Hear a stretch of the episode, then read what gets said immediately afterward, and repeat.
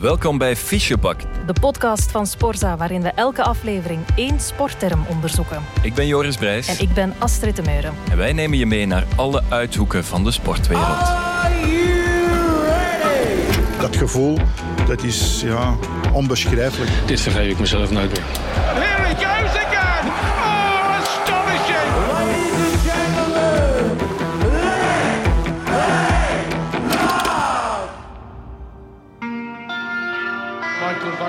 Wat Michael van Gerwen deed in die halve finale van het wereldkampioenschap darts in 2013 was spectaculair. En tot hiertoe heb ik nog niemand gezien die hem heeft nagedaan.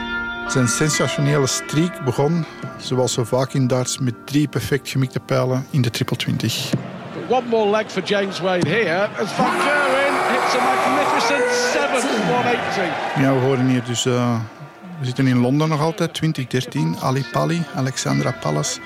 10.000 man zit daar in die zaal. En eh, die horen hoe uh, Michael van Gerwen, de groene sloopkogel wordt hij ook wel genoemd, nu huidig nummer 3 van de wereld. Drie perfecte pijlen gooit, maar op een eh, afstand van 2,37 meter. Naar een vakje dat niet, echt niet groter is dan de pink van een baby. En dan hoor je natuurlijk die caller die eh, 180 roepen. Gerwen hits a magnificent 7 180. Zo'n 180 is natuurlijk eh, ongelooflijk. Maar echt zeldzaam zijn die eigenlijk niet. eh, topspelers gooien die wel eh, zeer regelmatig. En op een WK zijn natuurlijk de beste spelers ter wereld die daar spelen. Valt het dus wel voor dat eh, Mighty Mike wel eens een 180 gooit. Dus als hij voor de zevende keer in die match een 180 gooit, is dat eigenlijk voor hem eh another day at the office. Maar dan gooit hij nog eens je hoort dan het geluid, stemgeluid van de commentator. Hoor je eigenlijk al. Suddenly it awakens him. It awakens the young man to quite brilliant, brilliant moments. Six darts. En gooit hier gewoon eh, weer, weer drie perfecte pijlen. Hij gooit nu wel geen 180, maar gooit 177. Wat zijn eindscore op 144 brengt. Dus samen met zijn eerste beurt zes perfecte pijlen. Well. Ongelooflijke prestatie, maar zoals gezegd, regelmatig gebeurt dat wel. And 144 for the nine dart finish. Dus een nine-dart finish ja, is eigenlijk een lek uitspelen in zo kort mogelijk aantal pijlen. Dus je kan een lek 501 uitgooien in 9 darts. Dus dichter bij perfectie in de sport kan je eigenlijk niet benaderen. Ja, dat is eigenlijk een stuk magie en eh, het publiek leeft daarin mee. Michael van Gerwen ja, die staat nu op het punt om die 144 eh, uit te checken. Maar het publiek, ja, die voelt dat, die voelt die spanning, die, die, die weet wat er, eh, wat er op komst is. Als je zes perfecte pijlen gooit, dan eh, verwacht het publiek eigenlijk wel iets speciaals, iets magisch. En die hopen natuurlijk dat ze iets krijgen te zien wat eigenlijk nog nooit in de halve finale is vertoond. Een hoofdje, ja, zoals altijd, kaal geschoren, dat weerkaatst dan eh, de spots van het plafond. Zijn ogen gebrand op dat doelwit, dan gooit hij. Gezicht op oneindig, blik op nul.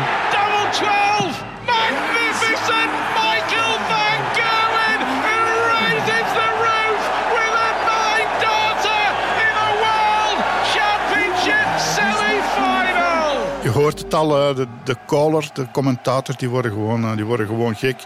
Heel dat publiek dat daar zit, die gaan gewoon uit de, uit de bol, want die hebben iets eh, meegemaakt dat ze eigenlijk nog nooit gezien hebben. Een negendarter in een halve finale.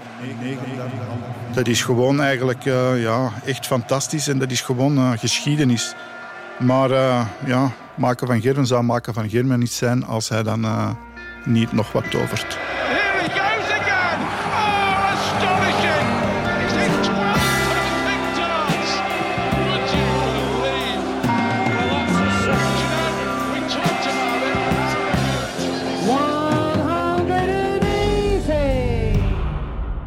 Welkom bij Fischebak. Ik ben Astrid de Meuren en vandaag duiken we in de wereld van darts. Want we gaan het hebben over, jawel, de 180. Naast mij zit de sheriff, Erik Larijs. Dag Erik. Goeiedag. Volgens mij zo'n caller, dat is ook nog wel iets voor jou.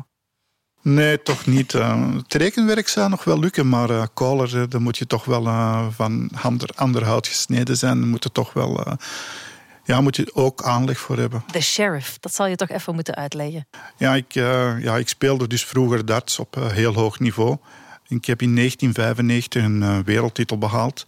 En um, net de week daarvoor speelde Lierse tegen een ploeg. En Sevilla maakte een goal en schoot met pistolen in de lucht en stak die weg.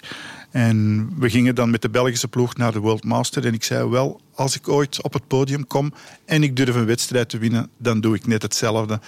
En toeval wil dat ik uh, ja, laatste 16 op het podium moet spelen. Ik, ik win mijn wedstrijd en ik schoot dus met pistool in de lucht. Ik stak die weg. En dan de caller destijds, Martin Fitzmaurice, een van de bekendste callers van de wereld, die gaf mij dan de bijnaam de sheriff.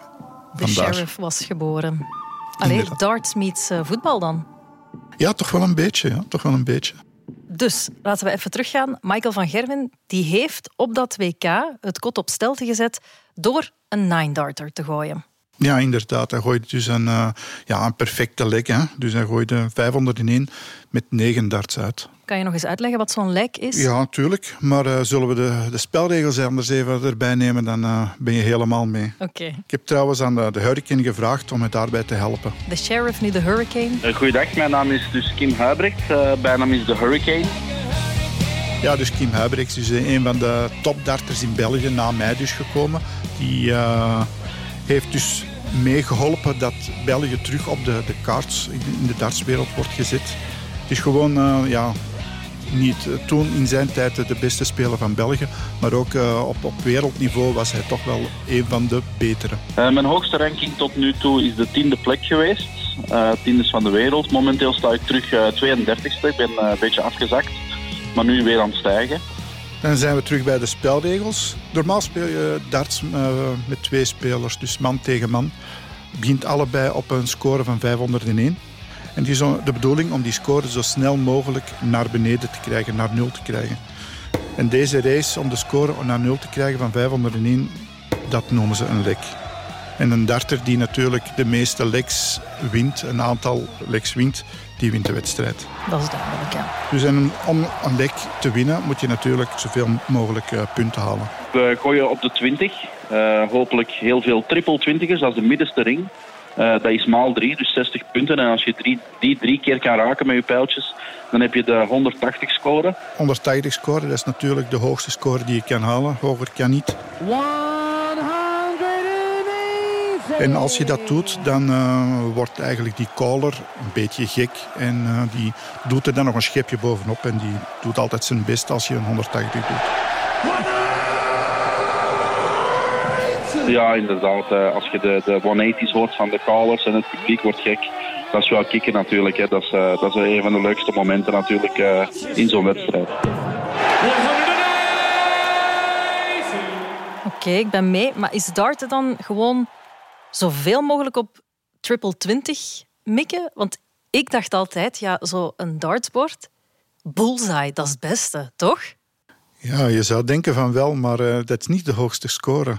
Langs de ene kant heb je wel gelijk, langs de andere kant niet. Want als het spelletje is van 501 zo snel mogelijk naar beneden komen, naar nul komen, dan kan je eigenlijk niet uh, enkel naar die triple 20 gooien. Je hebt eigenlijk twee belangrijke reglementen eigenlijk. Je moet zo snel mogelijk op nul uitkomen. Dus je moet 501 naar nul brengen. Exact op nul. Maar je moet exact, exact op nul komen. Dus je kan niet in de min gaan. Dus met andere woorden, ja, exact 501 punten scoren. En dat is dus niet mogelijk als je telkens naar triple 20 gooit, want 501 is geen veelvoud van uh, 20 natuurlijk. Als jij het zegt. ja. En dan is er nog een tweede belangrijke regel, en dat is eigenlijk wel de belangrijkste regel. En je moet eindigen met de buitenste rand, dus de dubbels, of met de bullseye. Dus de laatste pijl die je gooit om je score op nul te brengen, moet in een dubbele uh, belanden of in de bullseye. Dus de buitenste rand, dat zijn de dubbele punten. Om het uh, eenvoudiger uit te leggen. Als je op drie staat en je hebt nog maar één pijl in je hand, kan je nooit finishen. Nee. Oké, okay, maar dus je moet wel behoorlijk wat kunnen rekenen om te weten waar je dan juist op moet mikken. Ja, natuurlijk. Uh, rekenwerk hoort er natuurlijk bij. En als je dan ook weet dat je vakjes op het bord uh, niet al te groot zijn, dan is de kans dat je die niet raakt ook natuurlijk reëel. Nou, moet je mij niet vertellen. Dan moet je natuurlijk ook weer gaan herberekenen. Tuurlijk, tuurlijk. Maar meestal uh, de topspelers, die, die rekenen niet echt. Die weten het gewoon. Dat is gewoon zo'n automatisme dat er ingeslopen is. Dat ze wel uh, ja, eigenlijk van buiten weten uh, hoe ze een spelletje van 501 naar 0 kunnen brengen zonder al, al te veel problemen te hebben. Oké, okay, dus bijna instinctief. En dan heb je dan af en toe ook wel zo'n darter die wel goed kan rekenen en dat dan ook in zijn voordeel gebruikt. En ik heb gehoord, beste Erik, dat jij zo'n speler was. Toch? Ik zie u lachen. Ja, ja dat klopt inderdaad. Ik, uh, ja, ik heb altijd heel goed kunnen rekenen.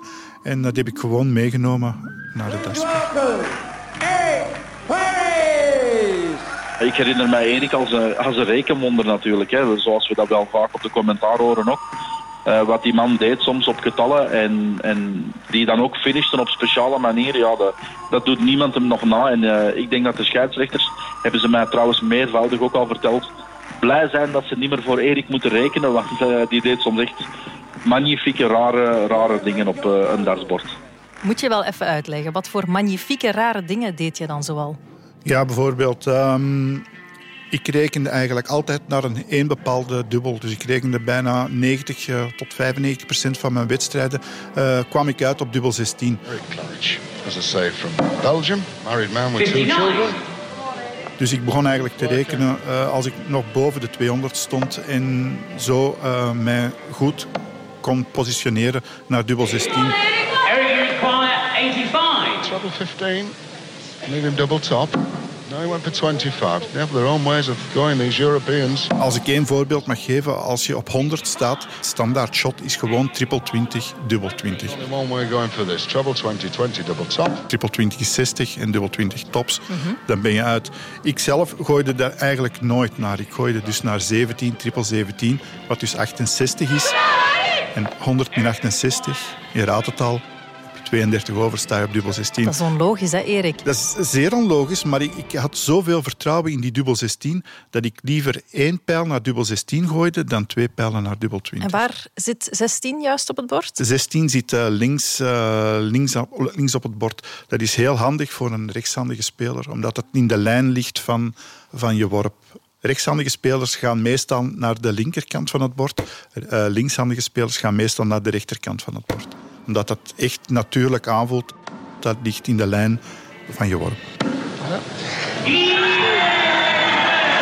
What a finish! Look at him stand there. Belgian fans, every fan standing. What a finish. Zijn er dan intussen ook nog andere spelers die jouw tactiek nu volgen? Nee, eigenlijk niet. eigenlijk niet, nee. Ik geloof dat ik de regels nu wel onder de knie heb. Het komt er dus eigenlijk op neer om een lijk zo snel mogelijk uit te spelen door zo goed mogelijk te mikken. Dat is heel ja, simpel gezegd. En een nine-darter, dat is dus wanneer je een lijk helemaal perfect uitspeelt zonder één keer te missen. Voilà, de perfectie eigenlijk. Hè? Dus negen perfecte pijlen aan elkaar.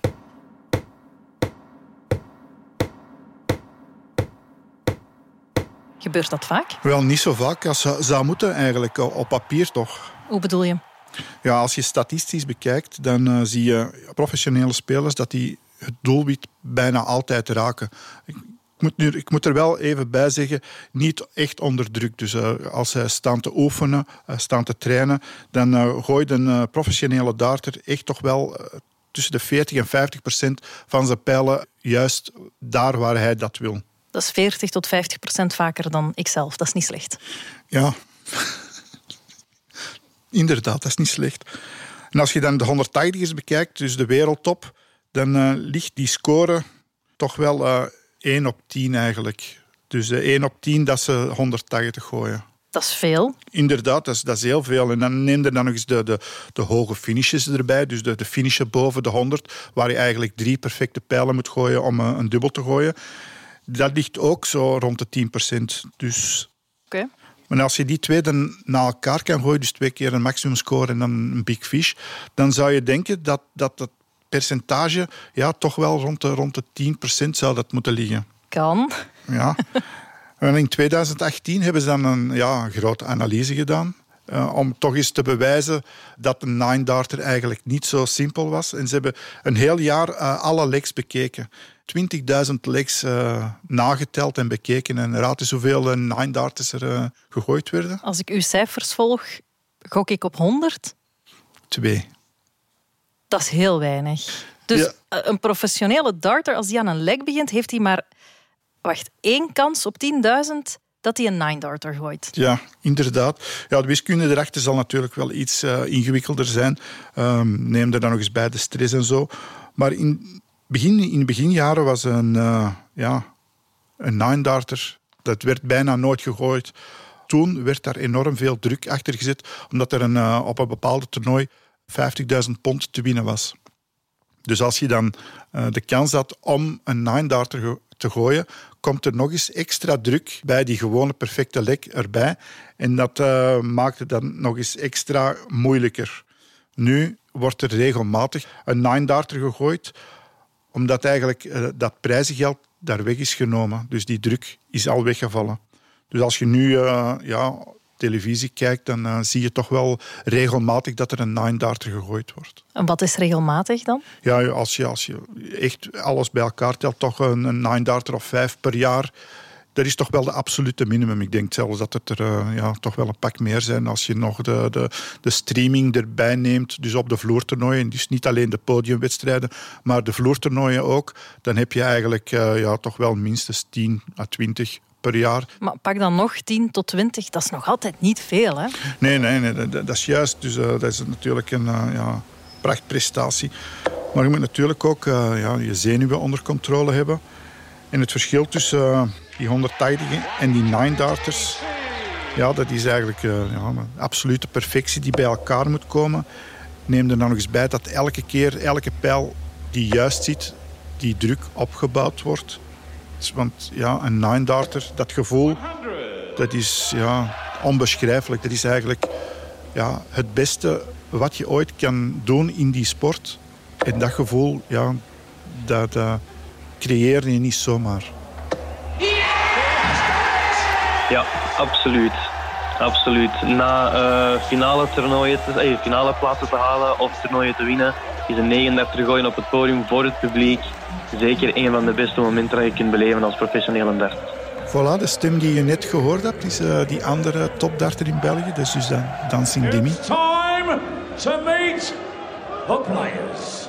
Would you please welcome from Belgium and the newly crowned PDC Unicorn World Youth Champion, ladies and gentlemen, the Dream Maker, Dimitri van Hallo allemaal, ik ben Dimitri van den Berg. Ik luister naar de naam Dancing Dimi of The Dreammaker. Ik ben een professionele darter en momenteel de nummer 5 van de wereld. En niet alleen nummer 5 van de wereld, hij is ook uh, tweevoudig wereldkampioen bij de jeugd geweest. Ik ga het even verduidelijken. Als je zegt jeugdspeler, dan denk je ja, dat zijn spelers tot uh, 18 jaar. Bij de PDC is het gewoon dat ze tot 23 jaar bij de jeugd zijn. In mijn ogen, 23 jaar, dan ben je al geen jeugdspeler meer. Dus dat is toch nog eigenlijk een stapje hoger dan echt de jeugd. En hij heeft dan ook nog eens ja, de World Matchplay gewonnen. En heeft ook nog een nine darter op zijn naam staan. We haven't seen one yet this year. Can he get it? One for one. Crowd believe. Now he needs treble 19. Double 12 for the lot. Dimitri van den Berg. It's a nine-dart leg. Op YouTube kan je dat filmpje nog uh, trouwens terugzien. En wat ik dan aanraad, is niet kijken naar waar ik mijn, mijn pijlen gooi in het bord, maar eerder naar de achtergrond, naar het publiek. Hoe dat die met je meeleven, elke pijl die je gooit. En uh, hoe, ja, hoe gek dat die worden. Dus uiteindelijk heb ik zo het gevoel gehad van... Die triple 20 ging erin, die triple 19 ging erin. En ik moest eigenlijk maar gooien naar die dubbel 12. Die had er altijd in gezeten. Omdat het publiek mij echt ja, vleugels gaf. Die, de manier dat hij meejuichte. En dat was precies of dat was een moment dat niet verkeerd kon gaan. Ja, in de video zie je dus zo, hoe het publiek uh, volledig uit de bol gaat. Dimitri na zijn uh, ja, dubbel 12 ongelooflijk trots en blij is. En dan draait zich om, even het publiek begroeten en hop, volgende lek. Ja, dat was kippenvel. Echt waar. Voilà, Astrid, nu uh, al een beetje een idee wat de impact is van een nine-darter. Hè. Ik ben volledig mee. Dan denk ik dat we nu eens even kunnen terugkeren naar uh, Michael van Gerwen, naar uh, 2013. Waar uh, ja, Van Gerwen ook waarschijnlijk uh, een kippenvelmomentje had.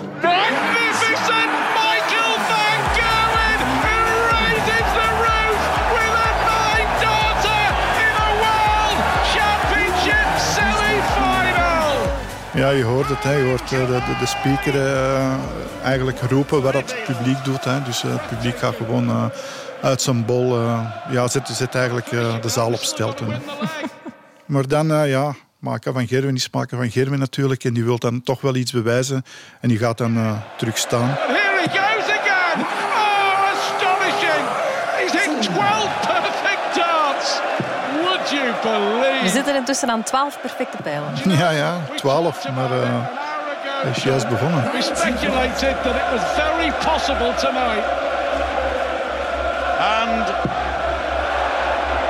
nobody has ever struck. Nog eens een 180. Successive legs, but this man now suddenly from nowhere produces magic, the like of have never seen or ever see again. De kans dat dat gebeurt, twee nine darts achter elkaar, dat is eigenlijk ja, ver achter de nul, nul achter de commas. Maar dan komt het natuurlijk het sleutelmoment. Want nu beseft eigenlijk Maken van Gerwen dat hij iets kan doen wat eigenlijk nog nooit iemand getoond heeft. Dus hij is eigenlijk nog maar drie pijltjes verwijderd van eigenlijk geschiedenis te schrijven tot en met hij zou zichzelf onsterfelijk maken. 141 is on again. It's on again. Double 12. Zijn eerste pijl zit en die tweede pijl zit ook ongelooflijk. Het publiek kan het eigenlijk niet geloven. En hij gooit zijn derde pijl naar dubbel 12.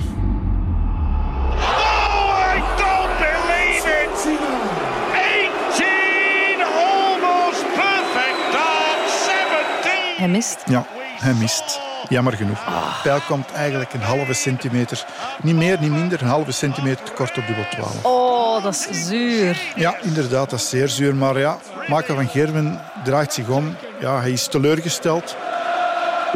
Got to finish it now. We still got to win the leg, and he does. Maar tegelijkertijd is hij gewoon uh, trots, want die 17 perfecte pijlen na elkaar, ja, daar wordt uh, nog jaren later over gesproken. En we zijn nu 2021 en kijk, we spreken er nu nog altijd over. Pure stress eigenlijk, hè? zo dart spelen. Maar over de geschiedenis van het darts gesproken, uh, laten we het daar misschien eens kort over hebben. Waar komt die sport eigenlijk vandaan? Ja, ja, in de meest simpele vorm van de sport denk ik dat het uh, komt van uh, wanneer we door hadden dat de scherpe objecten uh, naar een doel konden werpen en die bleven steken. Zo simpel. Ik denk, ik denk dat het daarvan komt. Links en rechts hoor je wel eens verhalen van soldaten of oude jagers die eigenlijk ja, met korte speren naar een boom werkten en die de jaarringen op die boom gebruikten als telling.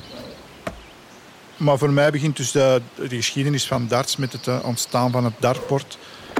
Zoals we dat vandaag nog kennen met de, de juiste cijfers, de juiste, de juiste telling. En dat dartbord dat werd uitgevonden in 1896 door de Brit Brian Gamling. Dus die ontwierp een bord en die uh, deelde dat bord in met, met 20 vakjes met een speciale nummering. En die, die, die zetten de, de grote getallen, dus de 20, 19, 18, geflankeerd door kleinere getallen. Dat had enkel om doel om uh, de beste techniek boven te halen in mensen en dat uh, eigenlijk niet uh, een geluksspelletje zou worden. Slim gezien. Inderdaad. En, en de, die beslissing heeft natuurlijk ervoor gezorgd dat de, de darts is uitgegroeid tot een sport en niet tot een caféspelletje. Al wordt het tot op de dag van vandaag nog altijd wel heel vaak op café gespeeld. Hè? Ja, tuurlijk. Het is, het is, het is eigenlijk een cafésport. Hè. Uh, daar moet je niet, niet moeilijk over doen. Dat gaat natuurlijk hand in hand. Maar uh, ondanks het puntensysteem van Brian bleven de mensen nog altijd geloven dat het een kansspel was. En als je weet dat in Engeland kansspelen een not-done waren, dat er zware straffen op stonden, is er zelfs in 1908 een, cafébaas uit Leeds Jim Garside met de naam. Die is zelfs voor de rechter gedaagd omdat hij eigenlijk een, een dartbord in zijn café had hangen. En dat er eigenlijk in zijn café werd gedart. Dus in die tijd not done. Kaartside moest dus voor de rechter verschijnen.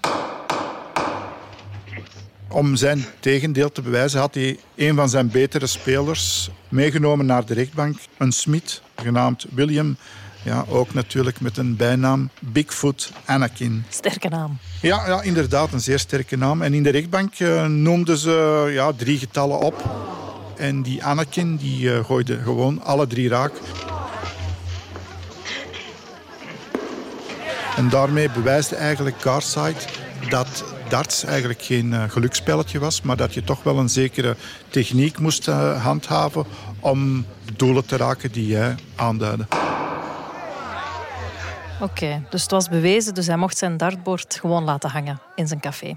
Ja, ja, ja, zeker en vast. En in het begin van de 20e eeuw uh, bleef het darten eigenlijk alleen maar beperkt tot cafés.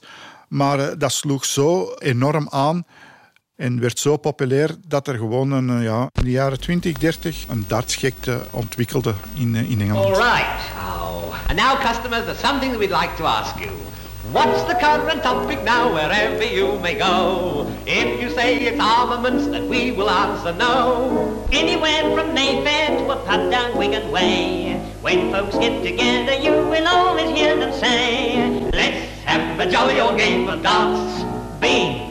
Let's have a jolly old game of darts. Bing! First you get a double, then right off you go. But you needn't trouble if you don't know how to throw. So... En toen werd er uh, ja, enkele jaren later een uh, nationale land, landelijke bond opgericht. Dus de National Darts Association of de NDA. Zeg maar NDA. NDA. ja, dat, is, uh, dat ligt makkelijker in de mond. En dan het aantal deelnemers, eh, want die organiseren natuurlijk toernooien waar, eh, waar werd eh, gespeeld om een winnaar natuurlijk. Het eerste grote dartstoernooi in Engeland, News of the World, dat boomde gewoon op korte tijd. In het eerste toernooi hadden ze duizend spelers. En na tien jaar hadden ze gewoon inschrijving van 280.000 deelnemers. Oh, oké. Dus zo is eigenlijk uh, ja, dat spelletje, eigenlijk een kroeg, café-spelletje, uh, eigenlijk uh, uitgegroeid tot eigenlijk nationale sport in, in Groot-Brittannië.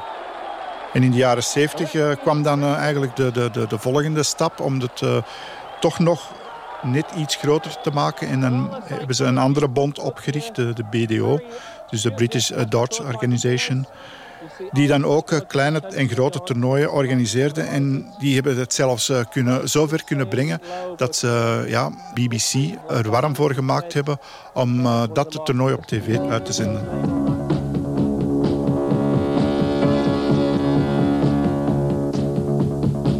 Ja, en mede door die wedstrijden op tv, dan, ja, dan werd er natuurlijk ook meer geld tegenaan gegooid. En zo kwamen er meer, meer en meer spelers in staat om eigenlijk van hun hobby hun beroep te maken. En er zijn heel veel spelers in die tijd die eigenlijk vol professioneel zijn geworden.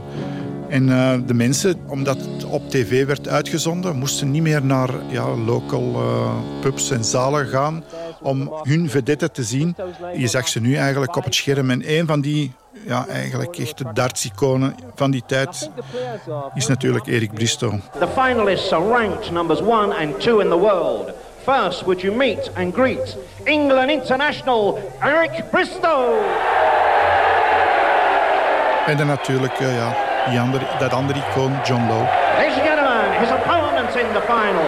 Once again, let's hear your applause, please. England international John Lowe. Ja, die John die is, dat is natuurlijk uh, het ander darts-icoon uh, uit Engeland. Erik Bristow is, is wel vijf keer wereldkampioen geworden, vijf keer World Master. Bristow's name on that five times. Maar John Lowe is wel de eerste persoon die ooit op een televisietoernooi uh, een nine-darter live gegooid heeft. We are on for a nine-dart checkout. 100. Has never been seen in televised history. He wants 141.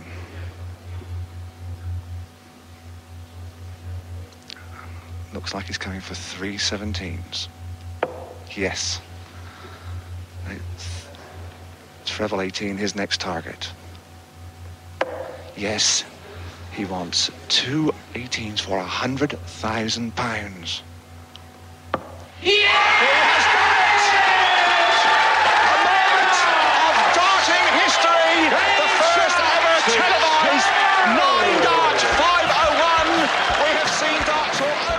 Ik heb het je daar straks al horen zeggen over het geld. Maar zegt die commentator nu dus ook dat hij 100.000 pond heeft gewonnen? Ja, zeker en vast. Dat was eh, de allereerste tv, eh Nine Darter. En daar stond gewoon 100.000 pond op. Dat was in 1984 trouwens, dat die Nine Darter gegooid werd. 100.000 pond zou nu ongeveer een 350.000 euro waard zijn. Serieuze prijzenpot. Ja, nee, dat is eigenlijk niet, eh, niet het prijspot. Dat was gewoon ehm, om die nine dart finish. Hij heeft trouwens het toernooi ook gewonnen, maar dat was maar eh, ja, 12.000 pond. Maar die 100.000 pond, ze hadden eigenlijk een potje gemaakt en er kwam telkens bij, bij, bij, tot op een gegeven moment Ah, er 100.000 pond was. En wie dan een nine darter gooide, die kreeg dan die pot. Mooi. It changed my life that day. Uh, and it possibly changed my life for a long time after, right up to 30 years. Het was eh, zeker een, eh, een mooie tijd om eh, darter te zijn. Verdiende go- goed uw kost. Ja, bij het publiek had je heldenstatus. Hè. Dus als, als, als Erik Bristow, John Lowe, had die, als die buiten kwamen, dat was ja, hilariteit alom. Die, die, die werd aangeklampt door Jan en alle man. Want iedereen ja, kende die. Het was dus, ja, een, een, publiekslieveling eigenlijk. Maar eh, eigenlijk om te kunnen leven van die sport moest je eigenlijk maar aan twee dingen eh, voldoen. Ten eerste, ja, natuurlijk, je moet het spelletje beheersen, je moet goed zijn. En ten tweede, je moet in eh, Groot-Brittannië leven. Mochten alleen Britten darten? Nee, nee zeker niet. Eh, het is, maar het is een, gewoon een op-en-top eh, Britse sport. Bijvoorbeeld bij ons, België, konden we darts pas bekijken. Dus we konden BBC pas bekijken in 1984. Dus voor die tijd bestond in onze ogen darts niet. Dat heeft daarmee te maken dat dat de Engelsen qua infrastructuur echt wel lichtjaren voorstaan op ons. Eh, alle, alles draait rond darts in Engeland. En in België lopen we nog een beetje achter. En BDO ja, die organiseert dus internationale toernooien. Maar eh, al- als je weet dat 20, 30 procent van de Engelsen dart spelen... en als er 1 of 2 procent Belgen bijvoorbeeld maar dart spelen... Ja, dan is het logisch dat de Britten altijd beter uit de verf kwamen dan de rest van de wereld. Het heeft dan ongeveer 20 jaar geduurd vooraleer eh, een andere dartsnatie eigenlijk zijn eh, kop aan het venster stak. En is allemaal gekomen door een, eh, een postbode uit Nederland. Raymond van Barneveld, Barney in de dartswereld, keerde vanochtend terug op Schiphol. Hij vertrok als postbode met een hobby. Hij keerde terug als held met een beker.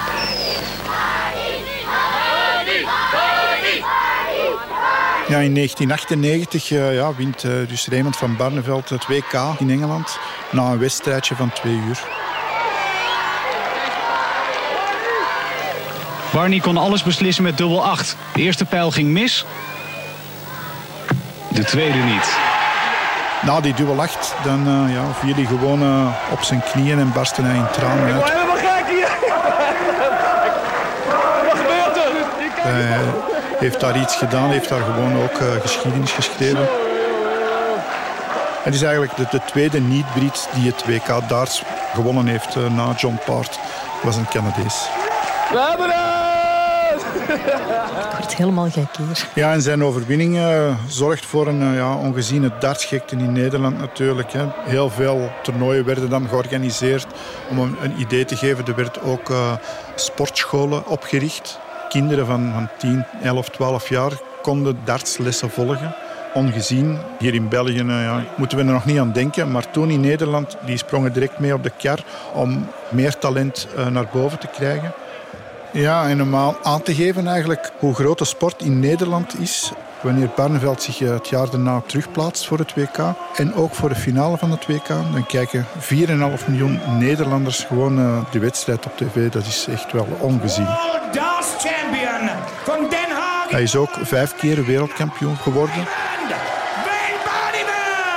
Het laatste keer is hij wereldkampioen geworden in de profbond die we nu kennen. Die ook heel veel wordt uitgezonden. Now Taylor for his 14th world title. En heeft gewonnen in 2007 tegen Phil Taylor. Nog altijd beschouwd als uh, de grootmeester van de sport. Raymond van Barneveld, four times BDO champion. Tops he wants. It! Barneveld is the champion of the world! Indrukwekkend parcours wel. Ja, ja, zeker en vast. Maar ja, zoals altijd, uh, mooie liedjes duren niet lang. En in 2019 zijn voorlopig uh, laatste WK. Ja, grote teleurstelling van het publiek, maar vooral van zichzelf. Verloor hij eigenlijk roemloos de eerste ronde. Ja, ik blijk maar gewoon een amateur te zijn. Gewoon. Een amateur, net als iedereen. Nou, dat je zegt dat je een mens bent, daar ga ik niet mee. Maar een amateur, dat, uh, daar ben ik absoluut niet mee eens. Je bent een vijfvoudig kampioen. Alleen, het moet ergens eindigen. En dat is hier. En, en dat, dat, dat is het, het meest pijnlijke wat er is voor iedere sporter. Ja, dat vergeef ik mezelf nooit aan. Ik zal nooit, werkelijk nooit van mezelf houden. Of het maakt niet uit hoe, hoe vaak ze me ook toezingen. Het maakt allemaal geen reet meer uit, joh. Ik zal mezelf haten. Ik walg van mezelf. Uh, ik dacht dat ik iets sterker was dan dit, maar ja, blijkbaar niet. Het maakt allemaal niks meer uit uh, wat ik hierna ga doen. Uh, het hele leven heeft geen zin meer, uh, echt niet. Je zou ook kunnen zeggen, het is het begin van een nieuw leven, een leven zonder darts. Nee, dit vergeef ik mezelf nooit meer. Klaar? Och, garme. Ik weet niet meer wat ik erop moet zeggen, Raymond. Ja, niks. het is gewoon klaar. Vreselijk, zo heftig. Ja, dus, uh, ja, dat is uh, Raymond van Barneveld in hart en nieren. Hè. Dat is ook uh, de, de, de, de, topsporter die uh, net verloren heeft. Die, die eigenlijk dan een microfoon onder de neus krijgt geduwd. Ja, hij is heel hard voor zichzelf, dat hebben we net gehoord. Maar hij is toch wel goed voor, en een voorbeeld voor andere spelers. Ook een man die voor mij heel veel tijd heeft ehm, mijn eerste jaren stuurde hij mij elke keer een berichtje wanneer ik voor het WK was geplaatst. Of dat ik zin had om naar uh, Nederland te komen, in, in, ik denk Den Haag bij hem. Om uh, met hem wat te trainen. En zo heb ik met, uh, met Raymond dus verschillende keren afgesproken. En trainingssessies gehad om voor te bereiden naar het WK toe. En ja, nu nog steeds, als ik een wedstrijd moet spelen of een toernooi moet spelen, dan, dan volgt hij mij en, en wenst hij mij succes. En Bijvoorbeeld mijn allereerste jeugd-WK heeft hij mij uh, de raad gegeven. Ik had toen mijn eigen plaats voor de finale en ik moest drie weken later of vier weken later deze finale spelen. En dan zei Raymond, wat ik je nu aanraad, is om te gaan slapen met de gedachte dat jij de trofee in de lucht steekt. En ik heb dat dan eigenlijk ook effectief gedaan, er zo van gedroomd van, maar ja, deze trofee, het wereldkampioenschap jeugd winnen, trofee in de lucht te steken.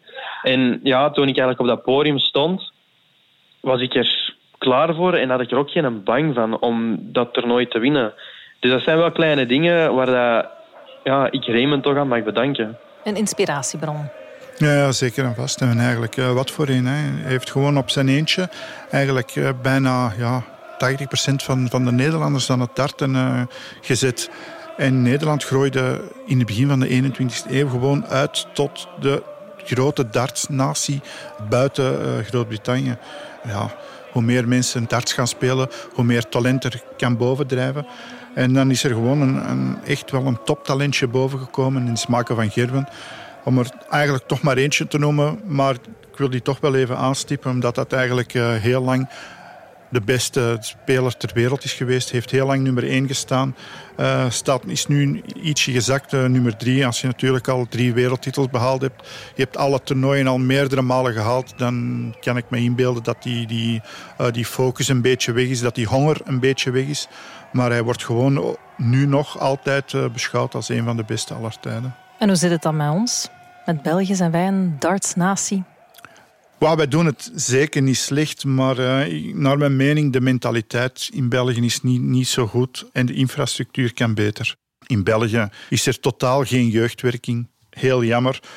Maar we zijn wel een, een, een land die met beperkte middelen toch nog ook wel uh, enkele toptalentjes heeft zitten in, in het circuit. We hebben er momenteel twee die eigenlijk het uithangbord zijn in onze sport.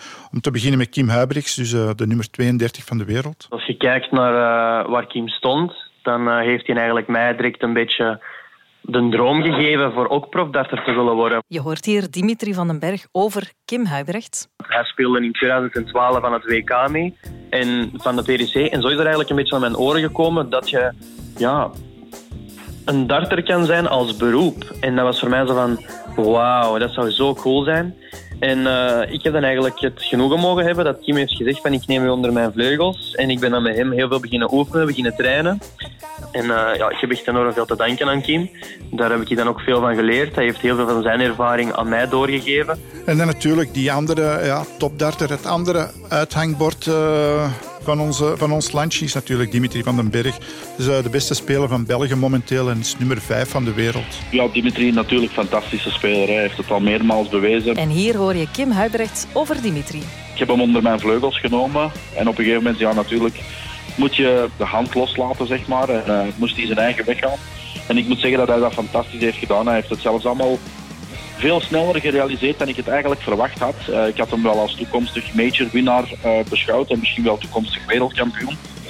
Maar hij doet het allemaal wel veel sneller dan ik had verwacht. Hij is ook een hele goede ambassadeur voor België natuurlijk. Hij is iemand die de voetjes op de grond wel houdt. Uh, hele goede jongen.